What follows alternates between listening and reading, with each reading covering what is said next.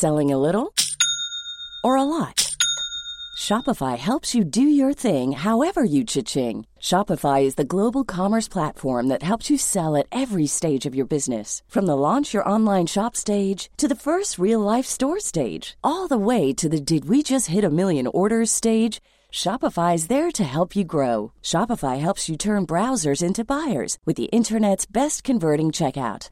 36% better on average compared to other leading commerce platforms because businesses that grow grow with Shopify. Get a $1 per month trial period at shopify.com/work. shopify.com/work. Ukas annonsør i Foreldrerådet er Ekstra. Det er grillsesong. Endelig. Alle dere som har fulgt meg gjennom en lang vinter, vet at jeg har nesten strøket med av. Men nå kan vi spise ute, vi kan leve ute, vi kan henge ute, og vi kan grille. Ekstra har sitt største grillutvalg noensinne, og hør godt etter nå. Her er en del av grillutvalget deres. Habanero-pølser, salsiccia-pølser, black aged pepper-pølser, cheesy bacon-pølser, beefy burger, cheesy burger, skinny burger, big beefy gourmet-burger, fiskeburger med hvitløk, fiskeburger med bacon, rødbet og søtpotetburger, soppburger, barbecue, grillfilet, svinenakke med oregano og tomat, urtemarinert fårefilet, brisket, eller brisket som det egentlig heter, T-bone steak, flank steak, tomahawk, laksefilet med pesto, laksefilet med sitron, scampi med hvitløk og urter, crispy fiskeburger med ost, kyllingfilet med sitron og urter, kylling overlår, gyros, kyllingspyd, smoke, barbecue, lårfilet av kylling og entrecôte. Takk for meg. Dette er bare noen av produktene i Ekstra sitt største grillutvalg noensinne, og kommer bl.a. fra Norges mest prisvinnende grillserie, Grill Perfekt.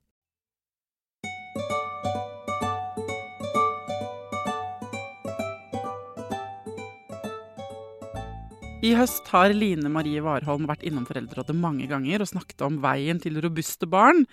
I dag så svarer hun på spørsmål fra dere. Hjertelig velkommen, folkens.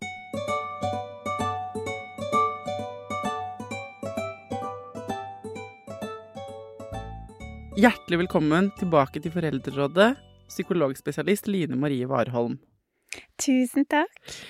Eh, Det som er når man er gjest her i Foreldrerådet, er at man møter jo meg Jeg kan si det til dere lyttere, for at, uh, nå kjenner jo jeg Line Marie litt, og det gjør dere òg. Og når hun kom inn i studio nå, så har jeg allerede rukket å fortelle henne alt om mitt eget liv.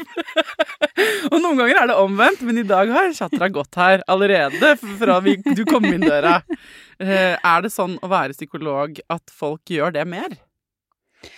Ehm, det vet jeg jo ikke helt, fordi at eh, det er veldig mange år siden jeg ikke var psykolog.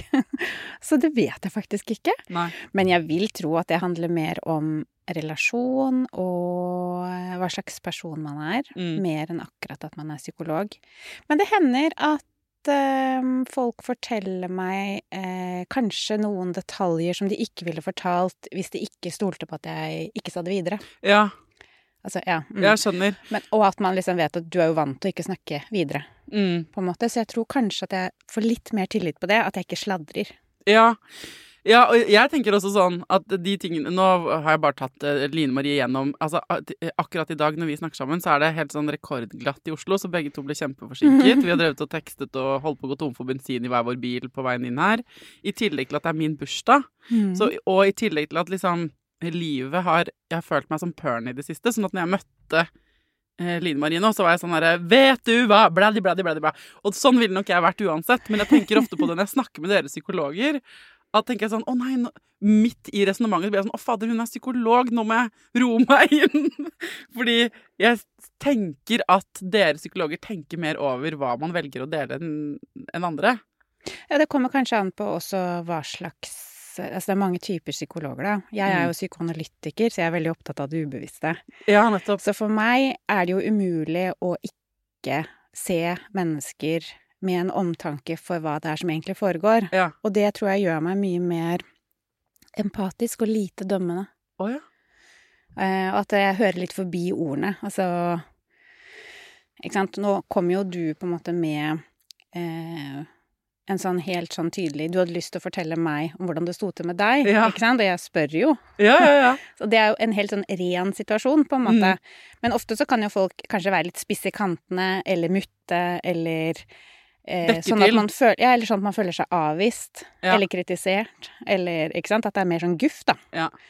Eh, og da kan jeg jo kanskje være raskere til å tenke sånn OK, hva Hva er det du egentlig bør å si? Handler dette om meg, eller Ja. hvem er det du egentlig er sur på? Det er ikke derfor er du er her eh, nå, altså, men jeg synes jeg bare gjorde den selvobservasjonen nå på vei inn. Og for folk som eh, Episodene vi har laget i høst, er blitt så utrolig populære. Det er så innmari mange som har hørt dem. Og det er så koselig! Det er kjempekoselig. Ja. Og jeg tror det er fordi du setter fingeren på noe, både fordi du er veldig flink som eh, fagperson, men du setter også fingeren på noe i det du har skrevet bok om, ikke sant? Eh, hvor Som ligger bak alle disse rådene som vi får hele tiden. Og som kan være fine. Det er mange råd som kan være veldig fine. Mm. Men du peker jo på sånn, noen ting inni oss foreldre som er sånn eh, At vi skal, føler jeg, da, tørre å eh, ta turen innom hvordan hva er det vi føler, hvordan er det vi har det, er det vi som syns det er vanskelig å grensesette, eller er det altså, ikke sant, at vi eksternaliserer ofte litt mye ut, og Mm. at istedenfor så ber du oss om å kikke inn og være litt eh, tydelige inni Starte der, liksom, er det jeg føler. Mm. Um, og det tror jeg resonnerer og pirker i folk samtidig. Mm. Så Det er nå jo veldig provoserende også. ja, det er dritprovoserende, ja, og det er folk som har blitt ganske sure. Eh, Ja. I hvert fall når jeg har lagt ut sånne snutter på TikTok og Instagram og Mm. sånn, så blir surne folk. Mm. Så det kommer vi vel tilbake til. Jeg håper du fortsetter å si ting som folk kan surne for, for det gir god traction. Og så tenker jeg at folk har eh, helt legitime spørsmål og inn, liksom, innspill, da, ikke sant? Så da jeg bare eh, starter å få inn haugevis med spørsmål, og dette kommer til å gå spink spjank fra den ene kanten til den andre. Mm. Så dere som hører på, sånt, eh, eh, slå dere til ro. Dette er et representativt utvalg av det folk strever med i livet sitt, som nå, eh, hvor Line Marie skal få være guiden. Ok. Eh, hvordan skal jeg sette grenser fra tidlig av? Barnet er åtte måneder. Ja. Å, så fint spørsmål! Det er jo helt nydelig. Det er jo, det er vanskelig, den overgangen, ikke sant? Ehm, fra eh, det derre tidlige stadiet, hvor det ikke skal settes noen grenser, og, og til at man jo må begynne å gjøre det. Eh, fordi spedbarnet, når det kommer, det skal jo eh, eh, Det skal jo lære masse, men det lærer ikke på den måten at det lærer gjennom nei-et, på en måte. Helt når man er nyfødt, så, man, så har jo ikke baby noen oppfattelse egentlig av hva som er meg, og hva som er deg. Eller liksom sånn Hva er meg, og hva er mamma? Eller hva er meg, og hva er Verden. puppen eller flasken, eller Mm. ja, verden har den i hvert fall ikke noe liksom, begrep om, ikke sant? Sånn at helt i begynnelsen så handler det jo om å sant, tone seg inn og forsøke å forstå eh, barnets indre tilstand. Vi prøver jo å forstå barnets kommunikasjon, ikke sant, når det gråter, at det kanskje vil ha pupp, eller jeg trenger en bleie, eller er trøtt, eller vi prøver å forstå hva det er. Um, og de fleste av oss bruker jo liksom hele apparatet vårt da, av tanker og følelser og kroppsfornemmelser og liksom barnets eh, Liksom hvordan barnet er. Og så prøver vi å forstå hva som foregår inni det. Eh, og akkurat det er jo den viktigste læringen et barn gjør hele livet. Alt det der vi gjør eh, det første året, da, med å, hvordan vi prøv, forsøker å forstå og forsøker å tilfredsstille, hvordan vi løfter opp barnet, hvordan vi snakker til det, ikke sant, hvordan stemmen vår høres ut, hvordan vi liksom møter barnets følelser med eh, liksom styrken og klangen i vår egen stemme, og alt det er jo kjempe, kjempeviktig. Det er det viktigste egentlig et barn lærer, alt det. Det er da veldig mye faller eh, på plass. Og så er jo virkeligheten sånn at eh, Barnet kan jo for eksempel eh, bli veldig sultent plutselig eh, på et eller annet tidspunkt hvor vi kanskje må Hvis vi ammer, så må vi finne et sted å sette oss ned og rote fram den puppen, liksom. Mm. Eller man må varme noe melk og få på en flaske, eller ikke sant. Det kan gå en liten stund. Eh, sånn at akkurat bare i realitetene så ligger det jo hele tiden også at barnet må vente litt. Og mens barnet må vente på å få behovet sitt tilfredsstilt, så eh, vil jo en sensitiv forelder da, vil jo på en måte snakke litt med barnet og prøve å roe det ned. Sånn, 'Å, er du så sulten? Ja, nå kommer Nå skal du få mat.' Ikke sant? Sånn holder vi på. Mm. Og det er jo også den første liksom eh, hjelpen barna får til å regulere egne følelser. Og det å lære Ja. at det er ikke farlig med følelser. Ikke sant? Den sulten jeg føler nå, jeg dauer ikke av den. Det går helt fint. Mm. For det merker jeg på mamma. Mamma, dette er ikke farlig. Nå kommer det snart mat. Det går bra. Sånn, sånn at rett og slett liksom Hva vi gjør mens barnet har sterke følelser da, er kanskje enda viktigere enn akkurat hvor fort den maten kommer, da. Ja. Men hvordan Og akkurat, ikke sant Det er jo starten på grensesetting, men du trenger ikke å Altså, du holder jo ikke igjen puppen med vilje. Nei. Ikke sant? Altså, eh, realitetene er sånn at det der ordner seg selv. Og så, på et eller annet tidspunkt, så skal man jo begynne å sette grenser. Åtte måneder er, jo ganske tidlig. Altså, du begynner jo ikke grensesetting for å sette grensene. Men at det er jo en del ting, altså hvis du eh, Da er jo barnet så stort at det vil ha ting, eksempel. Det vil ha noen ting det ikke kan leke med. Mm. Eh, eller eh, det ser et annet barn med en is, og så vil det ha den isen. Og så må man stå i de eh, neiene, da. Sånn Mm. at eh, For jeg tror noen vil reagere på bare grensesetting åtte måneder. Er hun helt klin kokos, eller? Vi skal ikke grensesette for babyer. mm. Uh. Jo, men det som kanskje er det viktige i den fasen, da, for da er det jo fortsatt sånn at man må jo sette grenser fordi barna vil ting. Barn er grenseløse i sine ønsker, ikke sant? Barna vil jo ting som vi er nødt til å si nei til. mm. Altså, sånn er det jo bare. Eh, og da er det jo veldig populært når barna er små og driver med avledning. Veldig.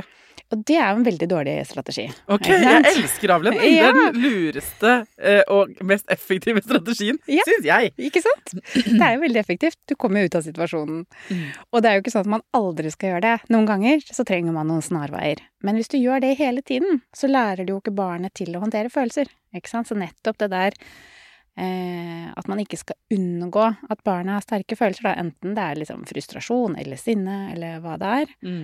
At nettopp det å stå i det at ja, nå eh, Nå vil du krabbe ut der, det kan du ikke. Eller nå har du lyst på den, det får du ikke. Eller ja, ikke sant. Alle de nei-ene vi må sette, da. Mm. Eh, og det at vi tåler barnets reaksjon i det. Du skriker, eh, jeg blir ikke sint tilbake eller kjefter på deg. Jeg forstår, altså det er veldig forståelig. Ja. Ikke sant? Man kan jo forstå det. Ja, nå ville du ha den, den får du ikke. Den er ikke din, liksom. Uff a meg, det forferdelig. Er vondt, det er vondt. Og så kan man trøste barnet i det, eller tilby trøst. Hvis barnet er veldig sint når det er litt eldre, så vil det kanskje ikke ha trøst. Men at man ikke liksom, ja, eh, gir det noen straff, på en måte, da. Eller avviser det på grunn av følelsene. Men likevel står i det nei-et. Og det begynner jo helt av seg selv veldig, veldig tidlig. Ja. ja, dette var en veldig eh, intelligent reminder, må jeg si. For jeg trodde da jeg leste spørsmålet lenge sånn Ok, vi skal ikke grensesette for babyer, men vi gjør jo det. Livet tvinger oss jo til å måtte grensesette, ellers hadde de jo spist sneiper og, og steiner, og menyen deres hadde vært alt de fant på bakken, på en måte. Så da kan de jo bli sure eh, Mm. og lei seg hvis ikke de får det de vil. ikke sant? Hvis ikke de får lov å krabbe rett ut i gaten, eller hva det nå er de ønsker seg, da. Mm. Eh, og da er det, selv om jeg er veldig god på digresjoner, så skjønner jeg hva du mener. Det er en snarvei. Det visste jeg ikke da tiden Tidemann var liten, så jeg beklager til han, men Men det er en snarvei, ja. Hvis man da bare distraherer ungen sin med noe annet, så får de ikke den treningen. Nei. I å, å tåle nei-et. Ja, og du får ikke den treningen heller. Nei, og det kan jo det, kan, det er bare å begynne å øve seg som Ah, forelder òg, fader. og stå i de situasjonene. Ja. Eh, søsteren min eh, hun har litt eldre barn. Hun har en på to og et halvt og en på fire og et halvt. Og vi hadde en eh, veldig morsom samtale på telefonen for de yngste barn. Jeg håper det er greit at jeg outer han. Det tror jeg det er. Eh, han har kommet inn i en veldig sånn hevdende periode. Sånn type trassete, da. Og han og søsteren min sa noe så smart, for hun, hun har startet med Altså Fireåringen skjønner jo at dette toåringen driver med, ikke er innafor. Og her i forleden så klikka toåringen på Katja fordi hun, han fikk feil sko først. Veldig klassisk Mm. eh, ting fra en toåring som bare 'ikke gi meg feil sko'. Eh, din jævla Hvis han hadde kunnet banne, så hadde han sikkert gjort det. Ble kjempesint. Eh, og da fortalte, så sa hun det er, så det er litt slitsomt for oss for tiden, sa Katja på morgenene hjemme hos oss. Eh, men strategien min er Eh, å prøve å møte han på alt det. Altså for å bare ta perspektivet til den toåringen, det er jo det er, det er humor. Så da, da får han anerkjennelse, og jeg får humor, det får fireåringen òg. Så scenen er lille Lasse klikker fordi han, ikke, for han får feil sko først, og alt bare 'Det var feil!' Å 'nei!' og sånn. Og mammaen her går og sier sånn 'Å, herregud, var det feil?' 'Å nei, ble du lei deg?' 'Å, fikk du feil sko?' Feil sko, så dumt, da! Og, samtidig får hun en sånn lite sidewink av fireåringen som står sånn Nå er Lasse gæren, og hun er sånn, ja. Og så, så hun har funnet en metode der hvor eh, liksom hun får humor av Mm. situasjonen, og det blir litt lettere å tåle Mm. alle hans følelser. Mm. Istedenfor det man jo sikkert ofte kan gjøre, som er å bli sånn Nå må vi ut av døren! Ta Mm. på deg de skoene. Og det er et nydelig eksempel. Så bra gjort, altså. Det er, men det er et nydelig eksempel. Og det gjelder ikke bare for toåringer, men for oss alle. Det er ingenting som er så effektivt som å bli forstått. Nei. Og det er ingenting som gjør at du roer deg så fort ned. Altså, hvis du får ordentlig Men det må, altså, du kan ikke fake det. Du må gjøre det ordentlig, liksom. Ja. det skjønner jeg, liksom. Det der var Bare kjipt. innta perspektivet, liksom. For Ja. da kan du etterpå si sånn Vet du hva, du må faktisk Du kan ikke ha de gullskoene i dag, liksom. Du må ha støvler. Ja. Men det skjønner jeg, at det er, eh, at det er helt grusomt. Så det gjelder folk på åtte måneder og på 45 år på arbeidsplassen, og for alle oss midt imellom. Men det er det samme i prinsippet hun på åtte, med barn på åtte måneder sant, trenger å Mm. øve seg på. Det er å på en måte Hvordan tåler du følelsene som oppstår i de rundt deg når du setter en grense? Mm. Det er eh, oppdragelse oppsummert i en setning, nesten. Ja, ikke sant? Og det gjelder jo i parforhold også. Ja. At hvis, hvis du ikke vil være med på noe, så blir kanskje den andre sur, da. Ja. Eller lei ja, seg. tåler Så du det? Så må man jo stå i det, da. At det ja. Ble du skuffa, liksom? Fordi Ja. du ville det nå? Hmm. Ja, det eh, korteste vei eh, til å roge gemyttene er også ved eh, den der anerkjennelsen. Mm. Problemet er at det kan være ganske mye vanskeligere enn man tror, og jeg syns ofte at jo eldre barnet blir, jo vanskeligere er det å få anerkjent dem uten at eh, Det kan hende det kommer noen spørsmål om det etterpå. Men sånn er det, eh, det der å, å eh, Hvis eh, en, et eldre barn er kjempesint fordi den ikke får sjokolade til frokost, så er det vanskelig å anerkjenne det uten å måtte gi det sjokolade til frokost. Fordi at barnet der kan si sånn Så gi meg det, da! Mm. Ikke sant? De kobler det. Eh, Du kan si sånn «Å, Jeg skjønner at du blir kjempesint. Så langt alt vel. Og jeg skjønner at du veldig gjerne vil ha sjokolade til frokost. Men de kan være sånn Ikke bare si det til meg, gi meg det, da! Ikke sant? Så, så de gjennomskuer på en måte litt forsøket ditt av og til. Jo, men det er jo ikke å gjennomskue. Jeg tenker det er jo nettopp det som er eh, Altså sånn Dette er livet, liksom. Mm. Mm. Og sånn er det jo hos voksne også, Ja. ikke sant? Det, kan, det er jo ikke alltid vi vil ha den her grov brødskiva til frokost heller. Kanskje, Nei, kanskje nei. man vil ha et glass vin, egentlig. det kommer yes. an på hvor lang den morgenen har vært. Det stemmer på en prikk. Man tar jo ikke det. Altså, man må, ikke sant? Ok, vi forlater Eller grensesetting er jo gjennomgående her, da. Men her er det en som ber om konkrete råd. Det er ikke sikkert eh, du vil gi det, da.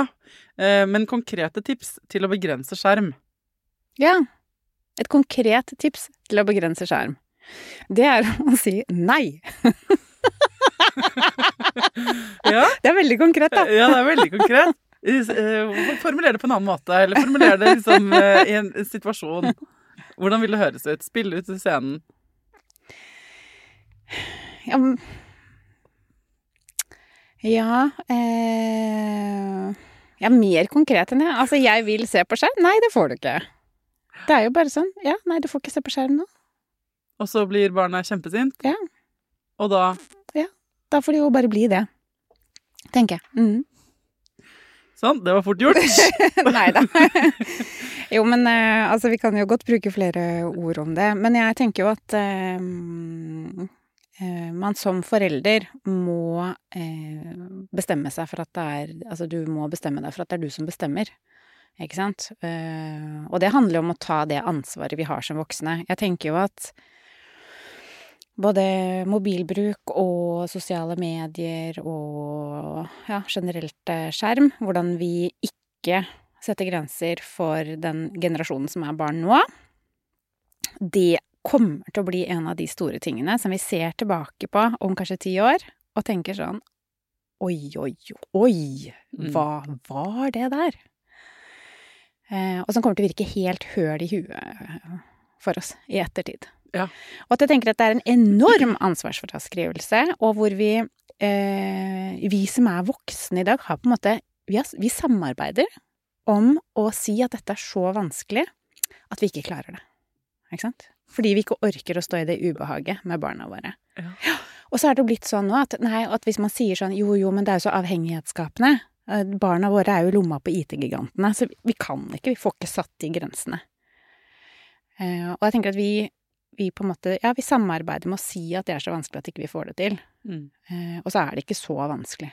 Du må stå i de følelsene. Ungen din blir sur. Eh, og jo surere ungen, ungen din blir, eh, jo mer alvorlig er det jo. Fordi hvis det er ordentlig, ordentlig vanskelig, så kan jo det faktisk være et tegn på at barnet ditt har en eller annen avhengighet, ikke sant? Eh, og da har du Ja. i hvert fall et ansvar for å sette de grensene. Ja, det er sant. Og så virker det jo som om Eller ditt svar på mye er jo vi må grensesette, ungene blir sure, og det må vi tåle, ikke mm. sant? Men um, hvis vi skal dra den helt ut Hvis ungen din blir så sur at dere faktisk mister Er det ikke også en fare for at de faktisk kan miste litt sånn kontakt og relasjon til det barnet? Avhengig av hvor gammelt det er og sånn, da. Men hvis de på en måte tilsynelatende driter i at ungen blir sur, og bare står helt godt i at barna våre er sure på oss hele tiden, for vi kommer dem ikke i møte. Punktum Mm. finale. For grensen min er satt. Mm. Er det ikke også en slags sånn i ekstremiteten der fare for at vi bare ikke får noen særlig god relasjon, da? Jo, det er det jo. Hvis eh, man ikke møter følelsene. Men det kan man gjøre selv om man holder på de grensene. Ja. Mm. Men det er en viktig liksom, vedheng til den grensesettingen. For jeg tror noen kan av og til, som vi har snakket om før, ta litt noen ganger det du sier til inntekt for at vi skal kjøre sånn autoritær stil. Sånn som man gjorde i gamle dager. Mm. Nei, fordi pappa har sagt det. Punktum. Og det var jo ikke så veldig. Det var jo tydelig grense, på en måte, men jeg tror mange av oss har vokst opp med at det ikke var så eh, Man fikk ikke nødvendigvis en kjempegod relasjon til foreldrene sine på den måten. Mm. Uh, ja. Ja. Og så spørs det jo hvor liksom sånn eh, Altså hvor langt Altså hva er, hva er sjansen for at noen av oss egentlig svarer barna våre sånn i dag, da? At det er så mange som eh, Som syns det er så vanskelig med et tydelig nei, da. Mm. Eh, At jeg vet ikke hvor eh, Ja. Hvor, hvor nærme vi er å ta den veldig sånn autoritære rollen. Om det er noe vi skal bekymre oss noe særlig for. Nei. At jeg tror vi er liksom kommet Hva som er normalt, har flyttet seg så ekstremt, da. Ikke sant? Eh, fordi at foreldre spør jo meg i hvert fall sånn Hvordan skal jeg få barna til å slå av skjermen? Ikke sant? ja. Når ikke de vil. Ja. Ja. Og da, har man, da er man ganske langt unna eh, den der autoritære forelderen som sier 'nei, fordi jeg sier det'. Ikke sant? ja, hva sier du til de som lurer på hvordan de skal få slått av skjermen, da? ja, da har man jo litt større problemer enn bare skjermbruk. Ikke sant? Og da handler det jo om eh, eh, å jobbe med respekten barna har for deg, da. Og da igjen, ikke sant, så tenker man jo ofte rett over til de der autoritære foreldrene. Men veldig ofte, eller det som ofte er liksom en sånn vanlig problemstilling, det er at de foreldrene som har barn som ikke har respekt for dem, er også veldig ofte foreldre som ikke har noe særlig respekt for barna sine. Ja. At det er 10 000 formaninger og overtramp hele tiden. At, eh, at den grenseløsheten går begge veier, da. Barna våre lærer jo sant, først og fremst av hvordan vi er mot dem og mot hverandre. Altså hele kulturen i en familie. Hvordan Mm. forholder man seg til hverandre? Sant, det er sånne småting som om du braser inn på barnas rom, eller om du Altså hvis de har lukket døren, eller om den bare står på klem, om du bare liksom banker så vidt på før du går inn. Gjør det, gjør det helt fra de er små. Da bare markerer du at dette er jo her, dette er ditt rom, det er di, her har du ditt privatliv. Jeg braser ikke inn i det. Jeg har et respekt for deg og din verden. Mm. Så en måte å være på, da. Hvis du detaljstyrer og liksom skal være med inn i alle detaljer på alt barnet ditt handler, holder på med hele tiden, så blir jo ungen drittlei at du blander deg, og vil jo bare hele tiden ha deg lenger vekk. Ikke sant? Da vil jo barnet jobbe for å holde deg på avstand. Um, og um, da blir man jo helt døv for alle formaninger og råd og regler og Ikke sant? Sånn at litt av trikset er jo eh, å ikke sette sånn fryktelig mange regler, men å Håndheve de som blir satt. Ja. Ikke sant? Og igjen, da. Da blir jo folk veldig sånn Ja, det må være konsekvens. Man må være konsekvente. Eh, nei, hvis du bare er kjemperigid, så får jo ikke barnet noe eh, respekt for grensene du setter. Barnet får jo ikke noe respekt for deg. Da vil de jo bare følge dine regler så lenge det ikke blir tatt. Og så fort du snur ryggen til, så vil jo barnet blåse i de. Ikke sant? Så det handler om å, å vise barna vei inn i en sånn voksenverden hvor, hvor de forstår hvorfor reglene settes, og at de kan synes at de er eh, ganske rimelige, ikke sant. Eh, og barn i dag eh, vet jo ganske mye om at eksempel skjermbruk ikke er bra. De forstår at det er de voksnes ansvar å sette de grensene. Hey, I'm Ryan Reynolds. Recently, I asked Mint Mobile's legal team if big wireless companies are allowed to raise prices due to inflation. They said yes. And then when I asked if raising prices technically violates those onerous two year contracts, they said, What the f are you talking about, you insane Hollywood ass? So to recap, we're cutting the price of Mint Unlimited from $30 a month to just $15 a month. Give it a try at mintmobile.com slash switch. $45 upfront for three months plus taxes and fees. Promo rate for new customers for limited time. Unlimited more than 40 gigabytes per month. Slows. Full terms at mintmobile.com. Hold up. What was that? Boring. No flavor. That was as bad as those leftovers you ate all week. Kiki Palmer here, and it's time to say hello to something fresh and guilt-free. Hello Fresh. Jazz up dinner with pecan-crusted chicken or garlic butter shrimp scampi. Now that's music to my mouth. Hello Fresh. Let's get this dinner party started. Discover all the delicious possibilities at hellofresh.com. Hey, it's Ryan Reynolds, and I'm here with Keith, co star of my upcoming film, If, only in theaters, May 17th. Do you want to tell people the big news? All right, I'll do it. Sign up now and you'll get unlimited for $15 a month in six months of Paramount Plus Essential Plan on us. Mintmobile.com slash switch. Upfront payment of $45 equivalent to $15 per month. Unlimited over 40 gigabytes per month. Face lower speeds. Videos at 480p. Active Mint customers by 531.24 get six months of Paramount Plus Essential Plan. Auto renews after six months. Offer ends May 31st, 2024. Separate Paramount Plus registration required. Terms and conditions apply if rated PG. Et spørsmål eh, til om svigermødre her. Å, så gøy! Hva skal jeg svare, Hva skal jeg svare svigermor som mener man skal sende barn på rommet ved uønsket oppførsel? Og svigermor mener barnet må sendes på rommet. Mor her er uenig. Hva skal mor si til svigermor? Ja eh, Jeg tenker jo at det er eh, som forelder veldig fint å holde ørene litt åpne og ta inn lytte til råd. Og vurdere om det er noe i de rådene som man kan ta til seg eller ikke. Ok, det er nå overrasker du meg igjen. Greit? Og så kan det hende at man tenker at eh, eh, det der syns jeg er for gammeldags, eller det passer ikke for meg, eller det passer ikke for mine barn, eller, eh, eller det syns jeg er en helt håpløs strategi. Og så kan man jo, eh, selv om man tenker det, så altså Det er lettere å ta imot råd hvis man ikke føler seg forpliktet til å følge dem. Men hvis man klarer å ta imot råd og tenke at nå prøver du å gjøre livet mitt litt lettere, du prøver å hjelpe. Eh, og så er ikke jeg så interessert i det rådet, jeg er ikke så interessert i, følge, i å følge det. Men man kan jo takke pent for rådet. Eh, og si sånn ja, ja, men det er jo også en strategi, det skal jeg huske på. Og så trenger man jo ikke nødvendigvis å anvende det. Nei. Og her handler det vel litt om det vi snakket om i stad angående grensesetting. Bare i motsatt, altså ikke nedover i generasjoner, men oppover. Nettopp. Det gjelder jo i alle situasjoner. Man kan ta imot og være vennlig, og så kjenner man inni seg det er det jeg som bestemmer. Her er det jeg som er mamma. Eh, Eller pappa. Det er jeg som, eh, som bestemmer. Og så kan man være hyggelig mot den andre, ikke sant. Og så kan det jo hende at denne svigermoren blir sånn Ja, nå, vet du! Nå burde du sende ham på rommet! Ikke sant. Så der handler det også om at jo Altså, dess mer invaderende denne svigermoren er, dess mer hun blander seg, dess sterkere grenser må man jo sette. Mm. Ikke sant?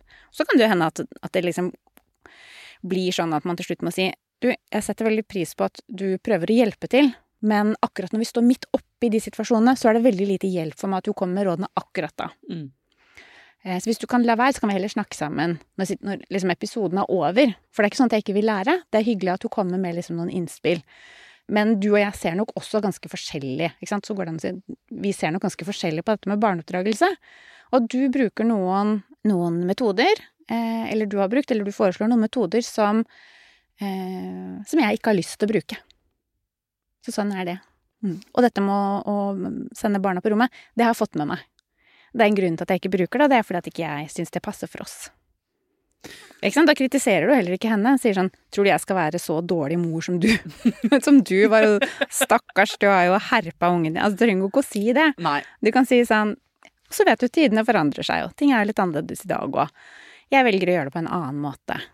Jeg har mine metoder. Ja, og så er det, men igjen da, hvis eh, svigermor i dette tilfellet ikke respekterer det og blir sur, mutt, tverr, for, liksom eh, overlegen, eh, kald, eh, silent treatment, hva det nå enn er hun Mhm. reagerer med, så er det jo din jobb, eh, innsender, som grensesetter, å tåle at hun reagerer sånn. Mm. Ikke sant? Og det er det som gjør det så enkelt, og så sinnssykt vanskelig. Og hvis man vil ha next level da, er jo at hvis svigermor blir sur, Ja. mm, og det blir litt sånn dårlig stemning og sånn, da kan man jo Da er det jo veldig raskt at vi syns at hun er helt håpløs, og så blir vi sure tilbake. Mm. Triks er å tenke sånn Det er ditt problem at ikke du Nå avviste jeg deg. Det, det tåler ikke du. Det er ikke mitt problem. Og så hvis man da klarer å fortsette å være ganske hyggelig, for da har du tatt ansvar for din egen atferd, selv om du ikke liker den andres atferd. Og da får man sånn kjempestor frihet, for da trenger jo ikke du å bli sur bare fordi den andre er sur. Og det er nesten enda mer irriterende for den andre. Hvis du klarer det, Mm. du som hører på, så kan du se for deg at Line Marie sitter sånn og applauderer sånn trampeklapp. jeg, jeg pleier å si, ja det eh, Jeg pleier å si, det er så gøy når man har bikka 40, så siterer man seg sjøl mye mer. Men etter at jeg fikk eh, barn, og han hadde rukket å leve noen år, så fikk jeg den erfaringen om hvor trangt det kan bli i det rommet mellom at du skal grensesette for et barn og for en foreldregenerasjon. Mm. Så det tok noen år å, å trene på å kartlegge for meg selv hva er mitt handlingsrom her, og, og prøve å gjøre det større. Mm. Og det handlet om litt sånn som innsender her sier, og kanskje ikke i situasjonen, da er det litt vanskelig. Eh, Da må man kanskje bare, hvis barnet ditt og du er i en konflikt, og Sigurd sier 'send ham på rommet', så tenker jeg da kan man bare si sånn det, 'Nå er det jeg som dealer med dette. Vi kan snakke om det etterpå'. Mm. Kjapp grensesetting mot svigermor, og så går du inn og dealer med det som er faktisk er ditt ansvar, som er barnet ditt. Og så har jeg i hvert fall brukt da å ta sånn etter middagen når barna har lagt seg, så måtte ta noen prater med mamma og pappa da, da han levde. Som er sånn eh, Fordi min sønn var første barnebarn, og eneste barnebarn i mange år. Og da hadde jeg liksom noen skikkelig vanskelige runder, altså. Hvor jeg måtte liksom si sånn Dere er besteforeldre. Så bare la oss, for at ikke vi skal tråkke i hverandres roller på denne hytteturen, kan vi definere hvem som skal snakke til hvem rundt bordet. Fordi Mm. resultatet ble at mitt barn fikk liksom beskjed om å spise ordentlig, for eksempel, fra fem voksne. Uff da. Og det er jo ikke noe hyggelig om man er fire år og strever med kniv og gaffel. Ikke sant? Men det handler jo om at voksne, vi voksne har ofte behov for å si, tror jeg, eh, kommentere barns atferd. Fordi vi vil vise at vi også er med på den oppdragergreia. Så jeg tror ikke det mener noe vondt. Mm. Men da måtte jeg ta en sånn runde på sånn Jeg gir beskjed til mitt barn når vi spiser. Jeg gir beskjed når han skal gå fra bordet. Jeg følger opp de tingene. Dere kan være besteforeldre. Dere kan ta han med og kjøpe is, skjemme han bort og bryte reglene jeg setter.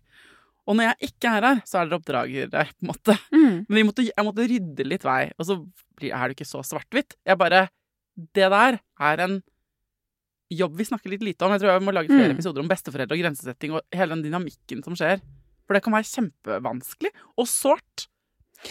Og, og, ja, det er jo helt nydelig sånn du har løst det. Og så, eh, ikke sant, når du snakker nå, så tenker jeg sånn Så for en voksenrolle du må ta, ikke sant? Og det er jo på en måte en slags, eh, et slags Hvis du tenker at ungdomsfasen er en løsrivelse fra foreldrene, så er jo det nettopp det når man får egne barn,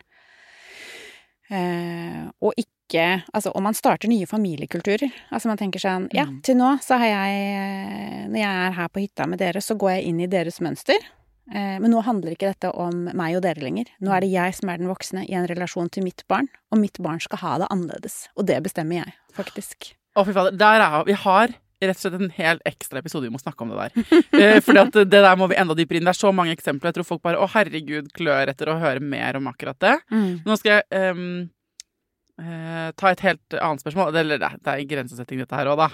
Men det er en som spør hva når foreldrene har helt ulike grenser i ulike husstander? Foreldre som ikke bor sammen, Mm. er egentlig Det er det, Det er det jeg tror spørsmålet er, ja. Du har jo eh, en sånn type løsning selv i Mhm. livet. Det har jeg. Og mm. jeg, tenker, jeg tenker om det som risikospredning. Fordi Ikke risikosport, men risikospredning. Risikospredning. Fordi jeg har jo min måte å gjøre ting på, og jeg har mine tanker om hvordan ting skal være. Og så er det jo sånn at vi har jo på en måte våre egne blinde flekker. Det er jo noe med måten vi er på, noe vi kanskje ikke helt ser. Kanskje har vi bestemt oss for at vi skal på noen områder være helt annerledes enn våre egne foreldre, og da går vi jo gjerne litt sånn i andre grøfta også. Kan vi jo rote det bra til. Og så tenker jeg sånn at hvis, eh, hvis jeg gjør ting på en måte, og far til barnet mitt gjør ting på en helt annen måte, eh, så blir jo de, de duste tingene jeg gjør, eller potensielt skadelige tingene, de blir jo ikke så alvorlige. For da, da får barnet mitt, barnet mitt også en annen verden. Ja, de nuller hverandre litt ut. Nuller hverandre litt ut. Eh, Så på mange områder så tenker jeg at det kan være utrolig bra for et barn å ha den erfaringen at eh, i det ene hjemmet mitt så gjør vi sånn, og i det andre så gjør vi sånn. For jeg tenker det også lager en slags fleksibilitet og toleranse når de går ut i verden og møter andre mennesker. At de virkelig har det inni seg. At man kan leve på ganske forskjellige måter, og begge deler kan være like bra. Mm. At ikke det bare er noe man liksom vet intellektuelt, men at man kjenner det, ikke sant? fordi man er veldig glad i både mammaen og pappaen sin. Sånn at derfor så tenker jeg at, at vi kanskje ofte gjør det til et større poeng, da, at man skal ha så li, like regler eh, når barna bor flere steder. Eh, mens jeg tenker at det også kan være mange fordeler med det. At man må eh, innrette seg etter det. Og det går jo selvfølgelig mye bedre hvis foreldrene er rimelig gode venner og kan samarbeide ganske bra og sånn. Men jeg syns også det er en fin anledning når da Nå har jeg to barn med to forskjellige fedre, så jeg har to eh, fedre og to stemødre å forholde meg til. eh, to sett. Eh, og da syns jeg at eh, at det har vært en veldig fin anledning hvis det settes noen grenser i Altså for det første så har, har vi det litt sånn at den som hva skal vi si, er, setter de strengeste reglene eller er mest engstelig, får bestemme.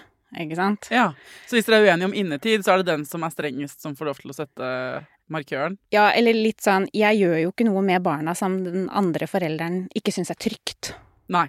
Ikke sant? Så du stikker ja til en tur til Ayanapa for tenåringen, liksom? Nei, ikke sant? Eller sånn som vi har hatt med eh, aldersgrenser på, på filmer. Ja.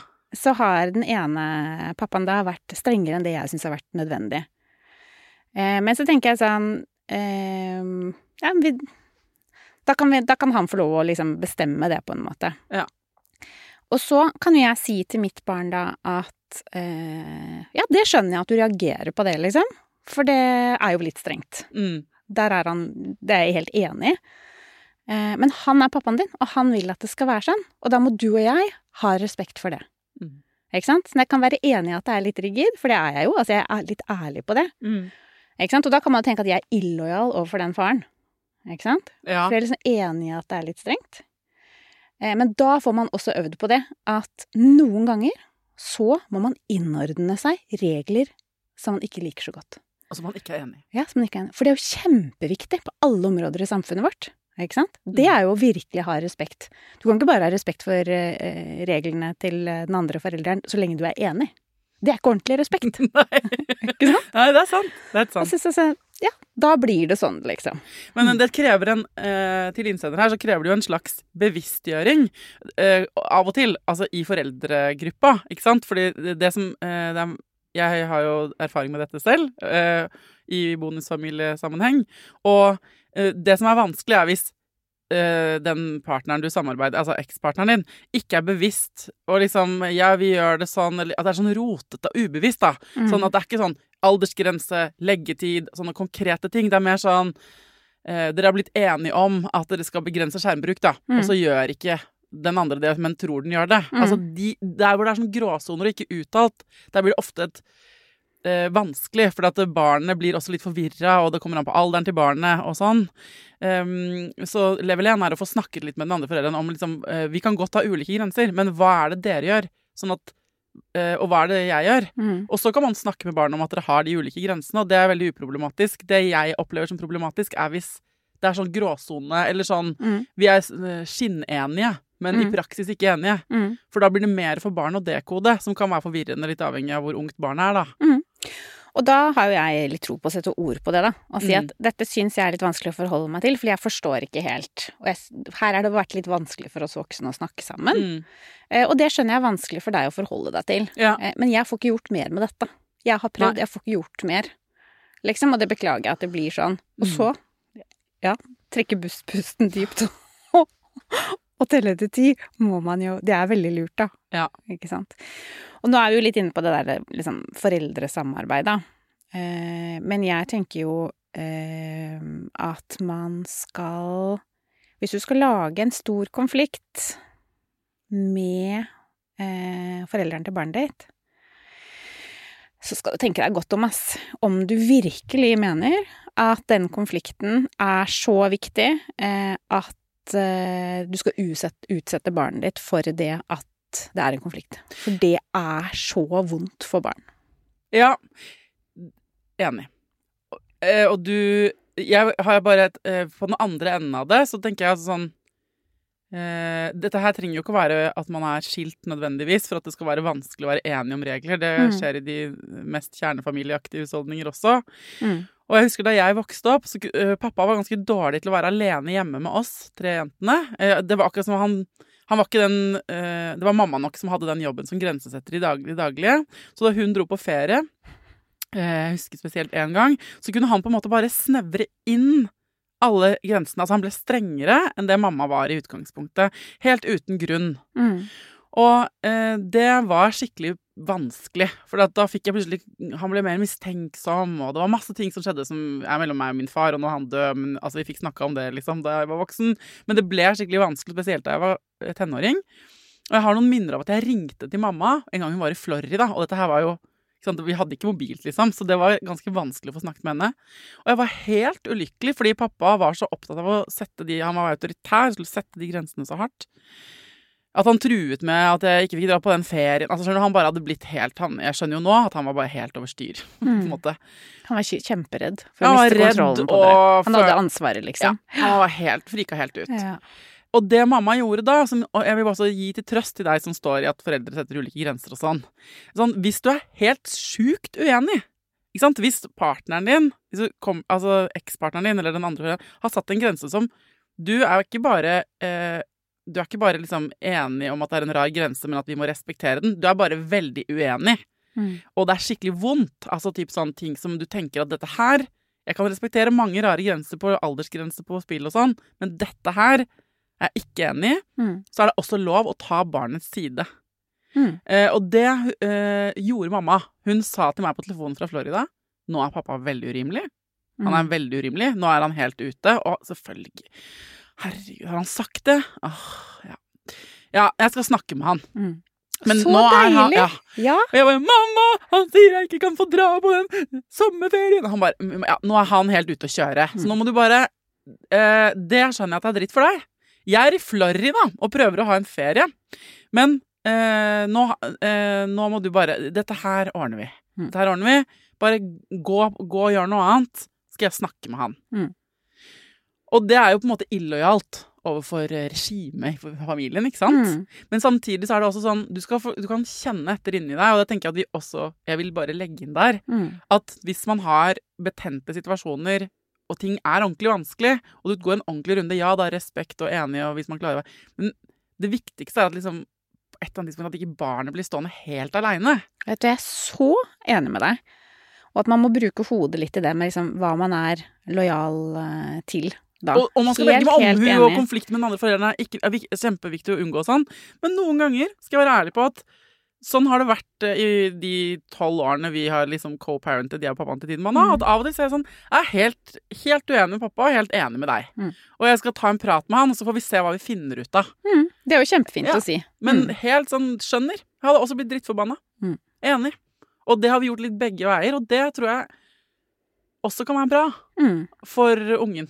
Mm. Og det virker hvis du ikke henger deg opp i alle småting, ikke sant? For det er jo noe med hva slags klima det er mellom en nå. Ja. Hvis man liksom benytter alle anledninger til å påpeke at «Ja, og du glemte det Ja. igjen. Pappaen din er for streng på det. Altså, man, Mm. Det handler jo om å prøve å spille den andre forelderen god. Mm. Så dette rådet kan, altså den historien min kan jo tas til inntekt hvis man har lyst til å ut og ta- partneren sin. Mm. Så er det mange som driver sånn og negger til barnet sitt, ikke sant? På Mm. ting og lager konflikter av ingenting og ikke Så raushet über alles. Men hvis det er ordentlig store ting, og du kjenner Mm. at du er liksom Dette er veldig viktig for barnet, så må det være lov å være uenig med den andre forelderen. Ja, og det å være uenig syns jeg jo uansett om det er store eller små, at man ikke Mm. skal Altså at man kan si sånn å ja, det hørtes jo litt rart ut, liksom. Eller at man kan gå med på det, men uten å bli Eller at man kan forstå barnets liksom reaksjon, men uten at man blir sånn Tar den derre 'hæ, gjorde han Nei, ja', ikke sant? Blir sånn ordentlig opprørt inni seg selv, da. Ikke Mm. sant? Det er jo noe med det. Hvor big deal Altså hvis noe er urettferdig, da. Ikke sant? Hvis barna kommer og forteller noe om noe som har vært urettferdig i det andre hjemmet. At man kan si sånn Ja, ja det, ja, det hørtes jo ganske kjipt ut for deg, egentlig. At man forstår det. Men med en slags ro. Men at man ikke Ja. sånn Nei, det er ikke sånn at jeg ringer til pappa av den grunn, liksom. Altså sånn Ja, da ble det litt urettferdig, da var det en kjip dag for deg. Altså det er sånn som skjer i livet. Ja. Ikke sant? Også. Ja At man ikke gjør alt så stort, da. Kan jeg bare si én ting til på Ja. akkurat det der? For at eh, nå har vi jo snakket om de foreldrene der begge to er rimelig snille foreldre som vil barnets beste. Og så er det ganske mange som, har, som samarbeider med en forelder som er skikkelig, skikkelig, skikkelig vanskelig å samarbeide med. Ja. Og da er det helt andre regler som gjelder oss. Da må man tenke seg mye mer om å være mye mer forsiktig og strategisk, ikke sant? Bare sånn at vi har sagt det, at dette Ja. gjelder ikke for alle.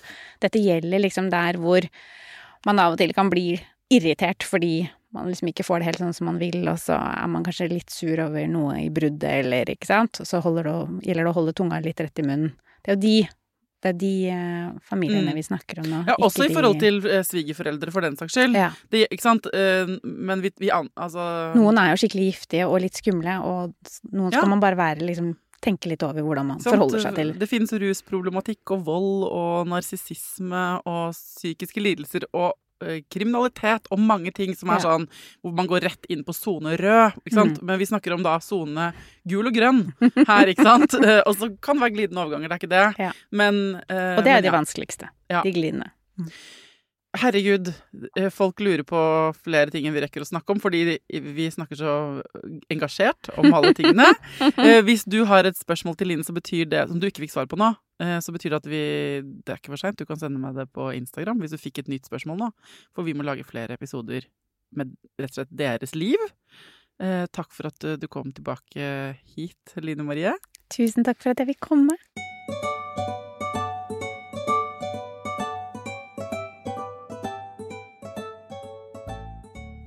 Hvis du ikke har lest boka til Line Marie, altså 'Foreldrerevolusjonen', 'Fire veier til robuste barn', og bestiller den nå, for nå har den kommet i pocket, så kan du se på baksiden, for der har jeg for første gang i livet debuterer som sånn derre blurb, har jeg lært at det heter. Eh, den er veldig fin. Fin å gi i gave til noen, eh, og fin å gi gave til seg sjøl. Hvis du sitter med spørsmål fra ditt eget liv, eller tanker, eller ble provosert av noe hun sa, eller noe jeg sa, vær så snill og del det med meg. Send meg en melding på Instagram eller på Facebook, eller en mail til foreldreradet at gmail.com.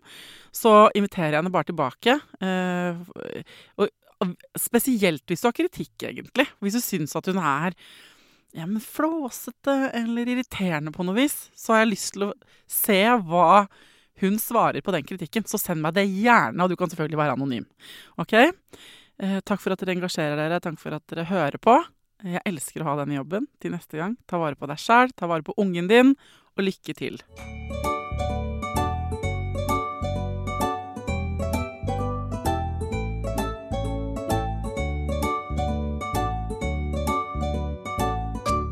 Produsert av Klinge.